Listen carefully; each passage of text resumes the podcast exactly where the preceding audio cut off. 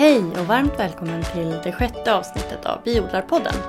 Idag gästas programmet av ingen mindre än Paul Svensson. Paul driver bland annat restaurang på Fotografiska i Stockholm. Han syns frekvent i tv-rutan och har nyligen utsetts till en av världens främsta kockar inom hållbar gastronomi. Varmt välkommen till Biodlarpodden. Tack så mycket. Jag tror att de flesta som lyssnar är väldigt nyfikna på vad Paul Svensson har med biodling att göra. De initierade kanske vet, men jag tänker att vi kan hålla det lite grann på sträckbänken. Ehm, om jag har förstått det rätt så har ju mat och matupplevelser varit en ganska stor del av ditt liv. Men eh, det var någonting särskilt som hände när du var 14-åring eller i din ungdom. Vill du berätta hur det kommer sig att du kom in på det här med mat? Ja, alltså för mig var det väl kanske fram till den åldern eh, måltiden mest förknippad med ett nödvändigt ont. Eh, måltidsbeteendet var som, precis som hos alla andra. Men jag hade en kompis, jag höll på med elitgymnastik på den tiden och i Malmö, eller närmare bestämt i Södra Sandby, så bodde en kille som hette Fredrik Pierreville. Eh, och han hade smeknamnet Biske. Hans pappa var så mycket fransos man kunde bli. Eh, och, eh, de spenderade sina somrar på Bretagnekusten varje sommar. Jag fick förmånen att få följa med en sommar.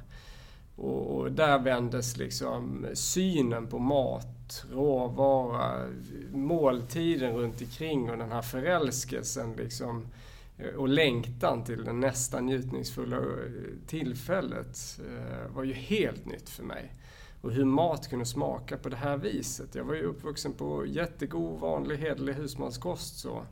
Eh, men här var det ju eh, njutning i fokus och varje måltid i sig, det spelar ingen roll om det handlar om en nybakad baguette med nygjord paté på boucheriet och liksom inlagda gurkor så var just frukosten i sig en sån smakupplevelse för mig som var van vid en intetsägande eh, trist ost och, och något tunt skivad skinka. Så att det här nya mötet med mat på ett annat sätt eh, gick upp för mig att mat kunde vara så mycket mer. Men sen tog det ganska lång tid innan jag själv djupdök i mat. Men, eh, men det har etsat sig fast. Det var liksom vändpunkten när jag förstod att, att mat kunde vara någonting annat än just det där som man bara satte i sig för att bli mätt eller eh, som var kopplat kanske till eh, eh, träningen i mitt fall då liksom att, att få i sig så mycket energi som möjligt på så kort tid som möjligt. Till att sitta ner och njuta i timmar och äta många rätter i sträck och det hade jag ju aldrig gjort innan. Helt ny upplevelse. Mm. Ehm, vill du berätta lite om, ja men mer om, om, om dig? Jag tror att de flesta kanske inte visste om eh, gymnastikdelen. Mm. Ehm, vem är Paul Svensson idag?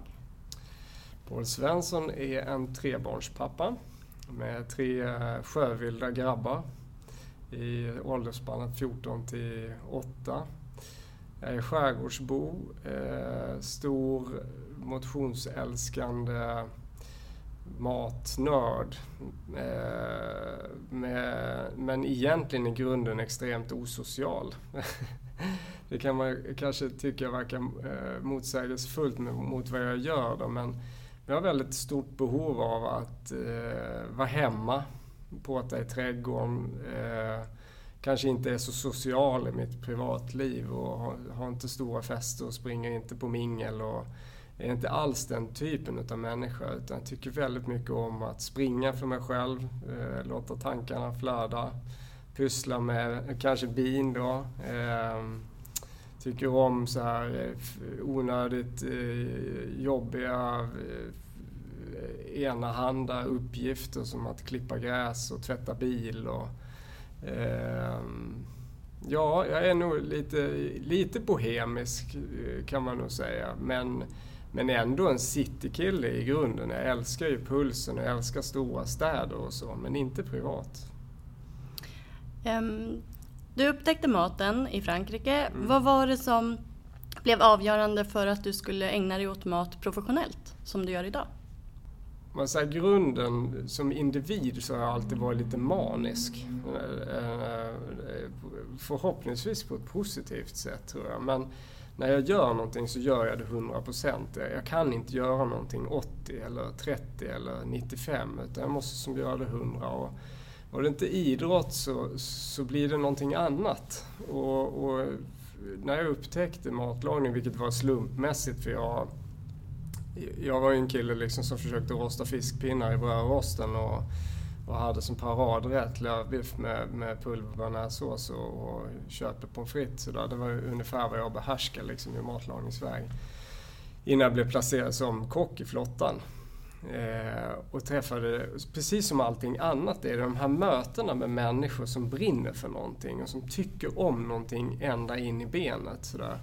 Eh, och jag hade förmånen att få träffa några stycken sådana eh, när jag gjorde lumpen och blev helt liksom hänförd av dels deras passion men också just eh, fascinationen av att, av att bygga saker och ting och, och, och se i någon annans ögon hur man njuter av någonting eller inte njuter av det. Alltså den här direkta kontakten med ett resultat eh, blev jag helt frälst i. Och, och, där tror jag att eh, starten för mig var att, sen har jag alltid tyckt om att göra saker och ting med händerna och är liksom fysisk av mig sådär. Eh, så att det passar ju mig det här yrket av, av mycket rörelse och, och, och mycket föränderligt och, och ständigt skapande och sådär. Ehm, och så gillar jag ju monotona uppgifter och det kan kockyrket vara ganska mycket. Att man nöter samma sak och man nöter det för att bli lite bättre varje gång på varje moment eller på varje detalj eller på varje balanstillfälle som man letar efter. Ehm, så att eh, efter lumpen så var jag helt inställd på att det här ska jag bli bra på. Det här var jag helt... Alltså det var lite som kanske med gymnastiken att nu, nu jävlar ska vi träna liksom. 10 000 timmar, ja. nu kör vi! Ja, lite så. Lite så. Vill du berätta om din matfilosofi som det nu har utmynnat i eller som mm. är pågående? Mm. Ja, den har ju haft många olika faser men jag skulle säga för de sista tio åren så har det vuxit fram något som jag kallar initialt för en grön matfilosofi. Och den tog väl avstamp i många saker men rent gastronomiskt så handlar det ju om att se växter som en, en viktigare beståndsdel i måltiden än tillbehör. Ehm, och, och, jag insåg också att jag lagade gärna mat med utgångspunkt från det. Eh, och det fanns ju många aspekter med det. Ett var ju självklart att förutsättningen för att laga riktigt god mat är ju att man har ett råmaterial med med jättemycket smakintensitet och högt näringsvärde och god textur och hela den biten. Och då måste man ju jobba säsongsenligt och, och komma så nära skördetillfället som möjligt. Och också en aspekt av att man pratade väldigt mycket om säsongsenlig mat och lokalproducerad mat men man kunde ju inte utläsa det utav menyerna utan det stod fortfarande precis som det alltid har gjort att det stod kyckling och så stod det dragon och så stod det kanske morötter. Och, och per automatik genom att ställa det i den ordningsföljden så satte man också liksom prioriteringsordningen. Var lägger man kraften någonstans? Eh, men vänder man på steken och rätten heter liksom morot, eh, dragon och kyckling så blir ju huvudfokuset någon annanstans. Och, och, det var väl liksom, ska man säga, den grundtråd som jag tog vid. Och egentligen, eh, all mat vi lagar, lagar vi upp och nervänd eller bakvänd eller vad man nu vill kalla det för. Och jag skapade, en, eller vi gjorde en bok som jag höll på med i tre år tror jag. Men men som liksom var en massa idéer som skulle på något sätt förtydliga det här tänket som sen kom ut som hette Paul Kök. Den sålde väl inte sådär jättebra men, men eh, den, den, den var väl kanske också eh, tidig i, i, i, ett, i ett skede när man kanske inte riktigt var mogen för det. Eh, men i huvudsak så handlar det ju om att skapa den nya proportionen på tallriken. För att förflyttar man fokus så blir man också per automatik så att man omfördelar proportionen på tallriken. Det handlar inte om att laga vegetariskt eller veganskt eller, eller inte. Jag la ingen värdering i det i grunden utan det handlar väldigt mycket om att hitta den njutningsfulla proportionen på tallriken. Både för magen, munnen och för naturen. Eh, att hitta en, bättre balans eh, i, den gastronomiska profilen. Eh, och sen har ju det där utvecklat sig och, och jag menar om man nu pratar om hållbarhet idag, det hade inte jag någon alls aspekt på kanske initialt utan då var det rent njutningsfullt och statusen på grönsaken. Medan idag kanske med den kunskap man har idag eh, så är det klart att man inser ju alla dessa mervärden som det finns med den här växtbaserade matlagningen. Eh, hur den på något sätt, där, där man landar ner i en, i en, eh, en idé att jobba med naturen och inte mot naturen. Att jobba proportionerligt för oss och för hälsa och för miljön och framtiden. Ehm, och, och, den har ju tagit sitt avstamp i allt egentligen idag. Hur vi väljer material generellt, vad vi bygger saker och ting av, vad vi har på oss. Ehm, men, men främst handlar det om att förstå naturen. Hur den hänger ihop, vad som är viktigt. Ehm, vilka val ska vi göra? För de kan vi göra om vi vill, om vi tycker att det är viktigt. Det är inte det kanske vi kan sälja på restaurangen, utan det erbjuder vi som ett mervärde i att eh, man kommer hit och äter en njutningsfull måltid och sen så får man med sig det här lite som en goodiebag när man går hem. Att, ja, men så har du också liksom lämnat ett fint avtryck och du kommer må bättre utav det här och du kommer förhoppningsvis att, att uh, uppskatta en morot på ett annat sätt uh, vid nästa tillfälle du går till butiken. Så det är också den här um, lärande principen av att äta. Det finns ett väldigt sinnligt värde i det. När upplevde du att det blev ett genomslag? Du sa att Pauls kök-boken inte slog igenom förrän senare. När upplevde du att allmänna opinionen liksom började resonera som dig? Eller när började den här hållbarhets... Jag tror för fem år sedan så, så började helt plötsligt allting flyta upp till ytan. Och, och, och, då tror jag att, jag pratade senast om det igår, att dels är det ju väldigt mycket just eh, det här svartmålandet, att vi står liksom på ruinens brant eller domedagen och hela den biten. Jag tror att det är väldigt svårt för folk att förhålla sig till det. Utan då, då såg man kanske möjligheten också i att försöka beskriva det utifrån ett inspirerande, mer njutningsfokuserat fokus för att folk ska känna att gud, jag gör inte avkall, jag gör påkall. Jag kommer att äta godare mat genom den här omställningen, mer proportionerlig både för mig och, och hälsa och natur och hela den biten. Men men i huvudsak liksom inte fokusera så mycket på just eh, hur dåligt allting var, utan hur bra det kan bli om, om vi gör på det här viset. Eh, och när vi öppnade restaurangen för tre år sedan, då kan man väl säga, och det visste vi ju inte, men, men då kan man väl säga att timingen var ganska bra. Eh, publiken var mogen för någonting annat. Eh, ett annat förhållningssätt, ett annat sätt att äta på rent verbalt uttryckte vi oss annorlunda. Vi, vi beskrev liksom rätterna som växträtter för att växten var i fokus, inte för att det var vegetariskt. Så skulle vi bara ta till oss de begreppen vegetariskt och veganskt, då blir det redan direkt liksom smalt för konsument. Eh, vi skulle välja bort kanske 90% av den krogpublik som finns. 10% är oerhört initierade och oerhört kunniga. Men 90% är ju oerhört ängsliga. De vet liksom inte riktigt vad det är frågan om. De rör sig i den riktningen. Men, men jag ska inte säga att det här var liksom en mjukisvariant, men jag tror att det var ett väldigt vi var, vi var väldigt viktigt för oss att vara tydliga med vad vi gör och att det skulle upplevas annorlunda men inte vegetariskt eller veganskt. Ehm, och så har jag ju aldrig lagat mat så det skulle vara orimligt för mig att göra den grejen eftersom jag själv äter kött, fisk och fågel. Och sen har det ju självklart utvecklats till att, att maten idag, eller växträtterna idag, är övervägande vegetariska i sitt utförande för att de inte behöver animalier för att bli fullständiga. Men vissa rätter har ett jättestort behov av eh, en animalisk umami-effekt för att förstärka helhetsupplevelsen. Men vi lägger inte värderingen där utan vi tycker att det är proportionen som är det viktiga. När man går härifrån så ska man ha ätit 85% vegetabilier, sen kan det ju vara vegetabiliskt protein och så. Och kanske 15% animalier. Det är en viktig proportion för oss. Den är, den, är, den är sund för oss och den är sund för naturen. Varifrån hämtar du inspiration idag? Oj, jag hämtar inspiration från överallt. Jag har förmånen att få resa jättemycket.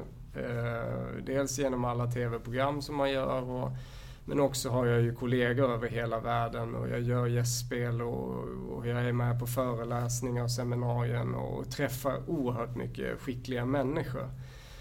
och rör mig i en ankdamm med mycket kunskap såklart. Så jag får till mig gratis väldigt mycket genom att jag håller mig i rörelse. Eh, sen söker jag självklart upp mycket själv också eh, av intresseskäl såklart. Eh, och gör egentligen bara saker och ting som knyter an till det som jag själv tror på. Att inte vara så fladdrig eh, kanske i mitt eh, i mitt sökande utan jag är väldigt liksom, har smalnat av eh, vägen så jag rör mig mest i den korridoren som kopplar an till, till hållbar utveckling i alla de former som inte bara måste handla om mat. För två år sedan så blev du biodlare. Mm. Vad var det som fick in dig på det spåret? Eh, det var många olika skäl. Det främsta skälet är, som jag var lite inne på förut, att man vill förstå hur naturen fungerar eh, på ett bättre sätt och kanske komma närmare naturen eh, och respektera det på ett, på, på ett större plan än, än att man köper rätt typ av grönsaker eller rätt typ av proportion på tallriken. Att faktiskt jobba med naturen på ett sunt sätt. Och då kändes bi som en oerhört relevant eh, ska man säga, kompis att ta till sig vid det tillfället. Dels för att ja, men, vi har ju såklart eh, oerhörda problem eh, med insekter generellt i vår natur. Det var någon kompis som sa det till mig att åker man genom Småland idag på sommaren så behöver man inte tvätta rutan längre som man behövde göra förut. Och och det finns ju säkert en mängd med olika skäl till det. Liksom allt från, från eh, föroreningar såklart till besprutning till vad det nu än kan vara för någonting som gör att vi har mindre och mindre viktiga insekter i naturen. Och pollinisatörerna, det vet vi ju alla och säkert alla som lyssnar på det här är ju är en oerhört viktig spelare i sammanhanget för att vi ska fortsatt kunna få fantastiska frukt och bär eller örter eller, eh, eller grönsaker generellt i krogen.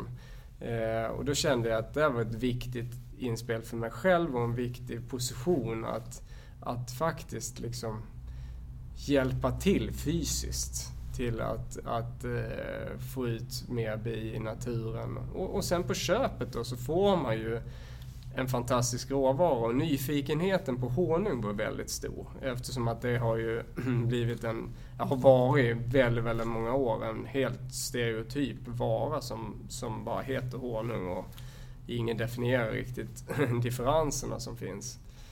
Så det är också en lärande process att vara del av den, förstå hur liksom komplext ändå naturen fungerar och hur olika en honung kan smaka och hur olika då bina rör sig från säsong till säsong och hur olika säsongerna är, hur de blommar och i vilken ordning och hela den biten. Så att för mig är det en lärande process jättemycket. Självklart så finns det ju Eh, det här värdet och goodwill-värdet som gör att jag mår bra av det. Att syssla med någonting, en hobby som faktiskt bidrar till någonting positivt, det gör ju det ännu roligare att hålla på med det.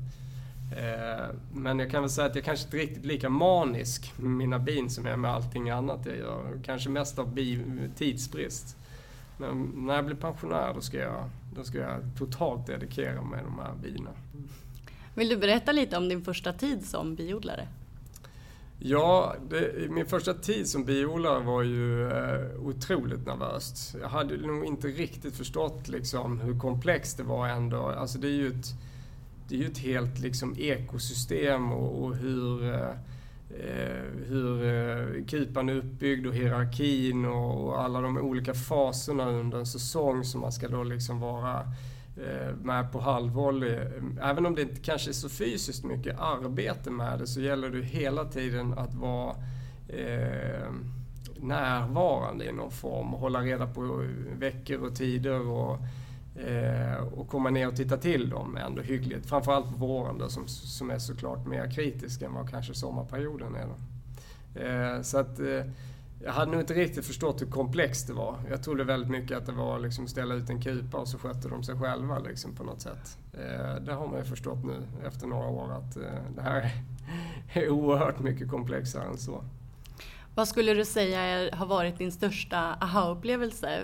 Förutom att det, har, att det är mer komplext. Känner du att, att det är någonting särskilt som du fått upp ögonen för? Ja, men det är jättemånga grejer man har fått upp ögonen för. Dels är det ju bina som individer och, och, ehm, och hur de beter sig, vilket humör de är på beroende på vilka tidpunkter man kommer ner, eh, beroende på hur varmt eller kallt det är ute, eh, vilken fas de är i uppbyggnadsfasen. Alltså att förstå dem, att, att inte störa dem utan vara en del utav deras verksamhet. Det tycker jag har varit en väldigt stor aha-upplevelse och som jag än idag känner att jag inte riktigt behärskar. Eh, utan ibland så går det jättebra och supersmidigt och alla är happy, inklusive mig själv och ibland blir det bara kaos där nere eh, vid mina kuper.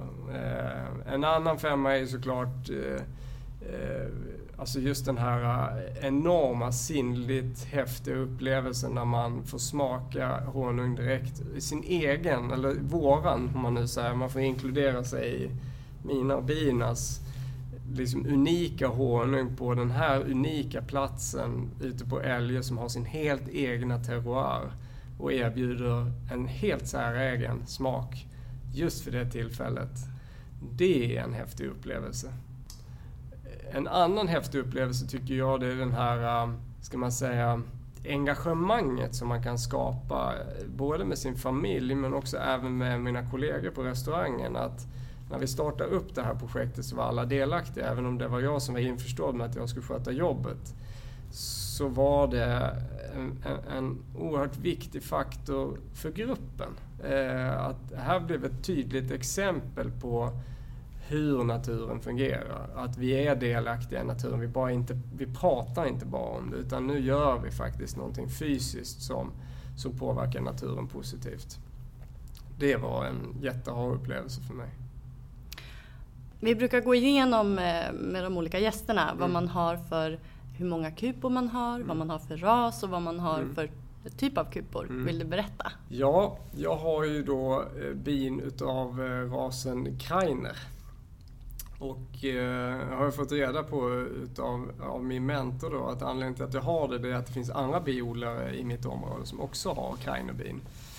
Jag har eh, frigolitkupor och har varit, från början var jag väldigt sådär att det skulle vara så estetiskt där nere och, och att det skulle byggas liksom träkupor och de skulle se ut som huset och ditten och datten. Jag har ju verkligen ändrat mig där. Att jag, jag är nog mycket, mycket mer, tittar nog mer rationellt på det så att det ska vara så det ska vara så enkelt både för mig och för dem att jobba med det. Eh, så jag måste säga att jag är väldigt förtjust i de här frigolitkuporna nu och enkelheten att jobba med dem. Eh, vad kan man mer säga? Jag har två samhällen. Eh, och jag har, just den här våren har jag odlat drottningar för första gången. Och det har ju varit jättehäftigt och svårt tycker jag. För jag har inte den blekaste aning Nu får jag fortfarande lite hjälp av Lotta Fabricius som är fantastisk. Som jag eh, har, har, lärt mig så oerhört mycket av henne. Eh, och det finns säkert inte så, eh, det finns ju säkert jättemånga skickliga men hon är ju fantastiskt skicklig. Och då har vi ju, så nu hade vi då tänkt att vi eventuellt skulle dela samhälle men, men det som har hänt i år då det är att ena samhället svärmar och just av, så nu har jag ett halvt samhälle kvar och vi håller på att jaga det här andra halvan över älgen nu. Men de, de senast skådad för två dagar sedan hos eh, eh, parallellgatan där. Så vi ska se om vi kan fånga upp dem igen då. Men det ser inte så ljust ut just nu. Men det var också en sån där grej som man nu flera år har gått och varit orolig för att de ska svärma. Och så händer det när man minst anar det just. Och det, det var ju lite kopplat just till det här drottningodlandet då som jag inte riktigt hängde med i svängarna hur snabbt det gick och de hade själv odlat en, lyckats eh, få fram en drottning i den här kupan och så stack halva samhället. Men men sån är det. Och, och, det är ju det som är också learning by doing lite grann. Men eh, jag måste säga att eh, det kommer att ta tid att bli fullad eh, biodlare eller biproducent eller honungsproducent eller vad man nu vill kalla det för. Eh, men, men oerhört fascinerande. Och det är alltid roligt med sådana grejer som inte är så enkla som man tror att de ska vara. Något att verkligen nörda ner sig i då, låter det som. Eh, ja, mm, det, det är det verkligen. Potential. Oerhört. Det här är ju liksom frimärkssamling gånger hundra. Liksom. Det är som en... Eh, det är så mycket kunskap som man kan peta in som gör att, eh, att det blir så mycket roligare att göra det också. Och förståelsen för hur de fungerar och Eh, och kunna se, det är ju det som är så fascinerande när man pratar med Lotta, det är ju att hon ser ju på bina hur de mår. Och jag står ju och tittar och tittar och tittar, jag förstår ju inte vad hon menar. Och hur de rör sig och eh, vilken värme det är. Och, och just den här vetskapen, har de tillräckligt med foder eller har de inte? Har de tillräckligt med plats eller har de inte? Och just den här ständiga liksom. Och det, jag tror inte att det finns något sätt, man kan inte riktigt läsa sig till det där utan man måste bara göra det många gånger, precis som med allting annat. Först då börjar man se mönstret. Liksom.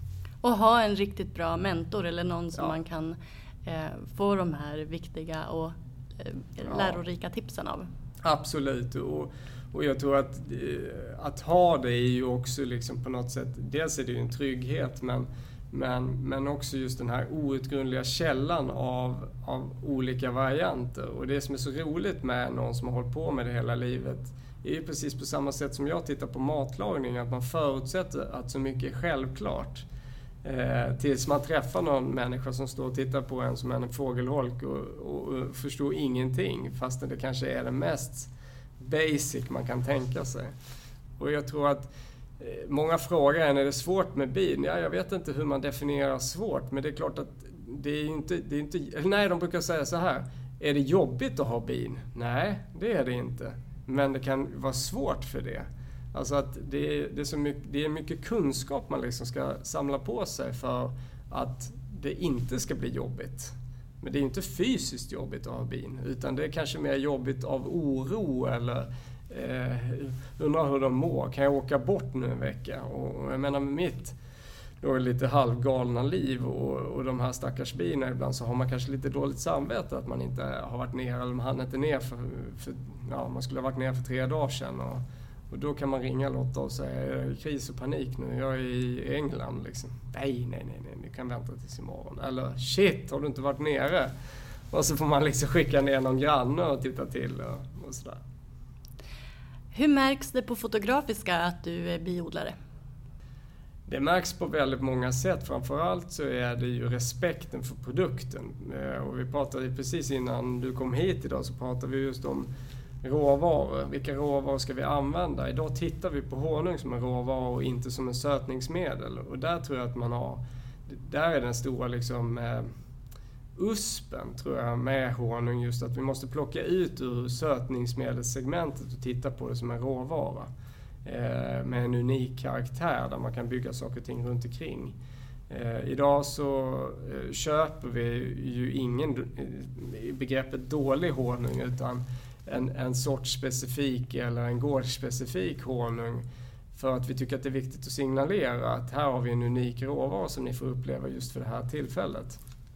Och det är ju inte bara med, eller våran honung då utifrån Älge utan vi köper ju från lite olika gårdar med lite olika karaktärer och beroende på vilken mat vi lagar så använder vi olika typer av honungar, framförallt då från olika delar av säsongen. Så att primörhonungen handlar liksom med, med den mer primörrelaterade maten medan de här höst och skogshonungen handlar med den här lite tyngre maten och lite djupare sötma och sådär. Så att förståelsen för den råvara som man kan få ut tillsammans med bina har ju blivit oerhört mycket större och vi är mycket tydligare med när vi använder den och, och varför. Om du ska skicka med någonting, eh, nu står sommaren inför dörren och många går på semester och nu börjar det bli dags för första slungningen om man inte mm. redan har gjort det. Skulle du vilja skicka med någonting att missa inte det här eller det här är min liksom favorit när det kommer till den första honungen eller är det någonting mm. du alltid äter med honung? Ja, alltså det finns ju nästan ingenting som slår rostat bröd med en, en liksom nyslagen färskost och en primärhonung och kopp te. Alltså den kombon, det här, äh, eller scones och färskost och honung som, som kombination där man verkligen äter honung för smaken och liksom textur och legeringseffekt och sådär. Så det tycker jag absolut att man ska ta med sig, att inte honungen är... Honungen är ju en del och den kräver en balans i sin ätupplevelse. Att har man en god färskost med lite hög syra så kan man då också liksom vara ganska frikostig med honungen vilket innebär att man faktiskt äter honung.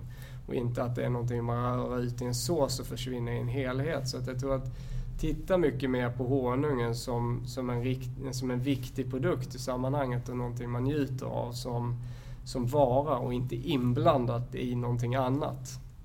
Man får ju också en respekt för vilket arbete som ligger bakom ja. de där dropparna. Ja, nej men så är det ju också. Den, den är ju den är svårare att kommunicera men om man är biodlare så, så njuter man ju på ett annat sätt. Både utifrån att man faktiskt har tillgång till lite större volym av honung men också just eh, slitet eller hur ska man säga, jobbet bakom de här dropparna gör ju att man njuter i ett helt annat eh, i en helt annan utsträckning. Men sen tycker jag också att något som jag skulle vilja skicka med tycker jag, det är att det enklaste sättet att uppleva det här terroir som man pratar om alltid när, när man är ute nu på semester, det är ju faktiskt att prova en honung från platsen.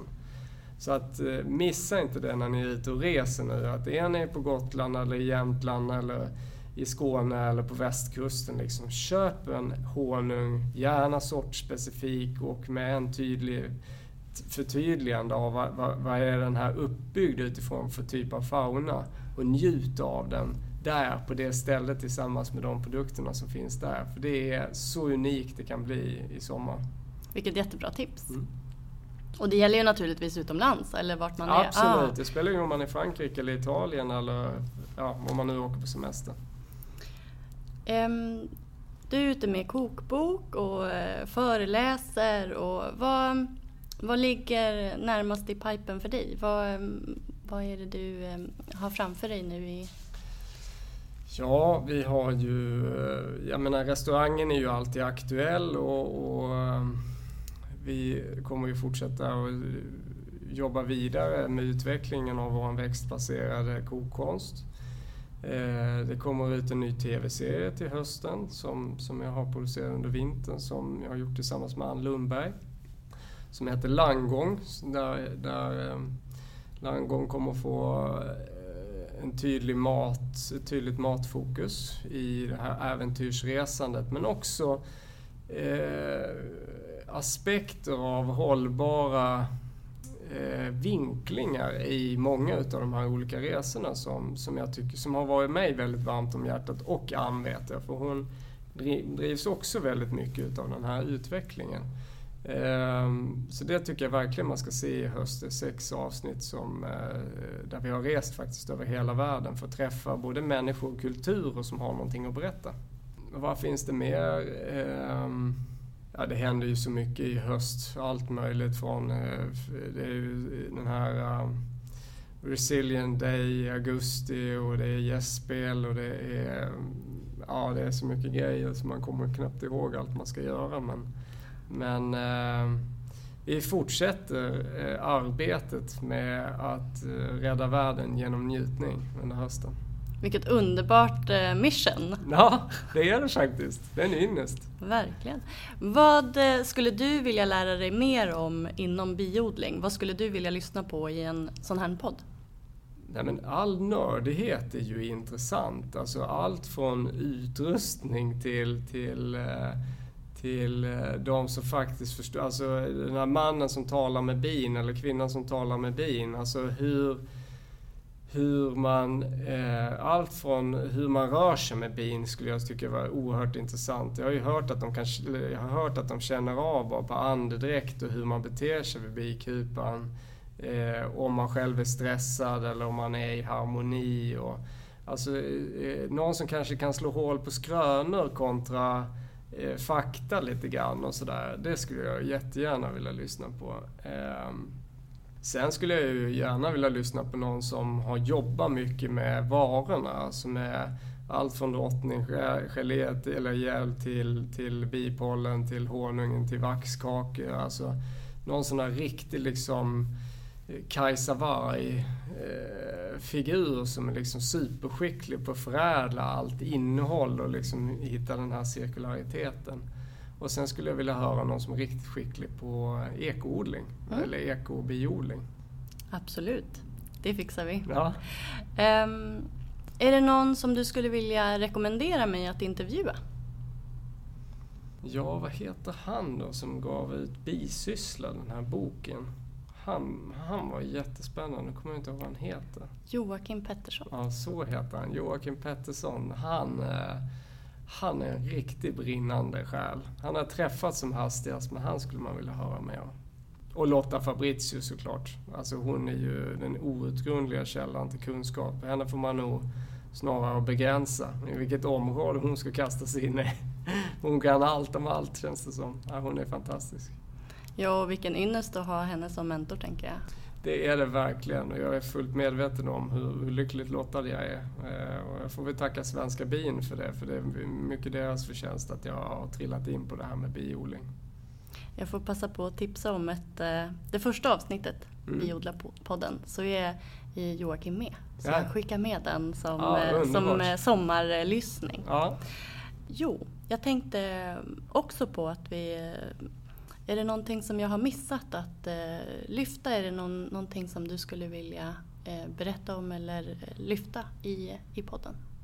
Ja, alltså jag är väldigt fascinerad av att faktiskt eh, kunna liksom på något sätt påverka smaken på honungen. Alltså kan man det? Kan man liksom hur, eh, genom att vad man sätter i sin trädgård eller för jag håller just nu på att liksom skapa nya odlingsytor och sådär.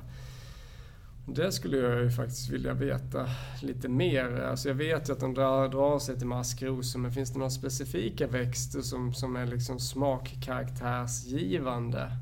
Eh, som man kanske skulle liksom satsa på att sätta i sin trädgård. För det skulle kunna ge en grym honung eller den här deluxe deluxe honungen eller sådär. Det skulle jag tycka var roligt. Det finns det nog fler som är nyfikna på. Ja. Jättebra fråga. Ja. Det ska jag ta med mig.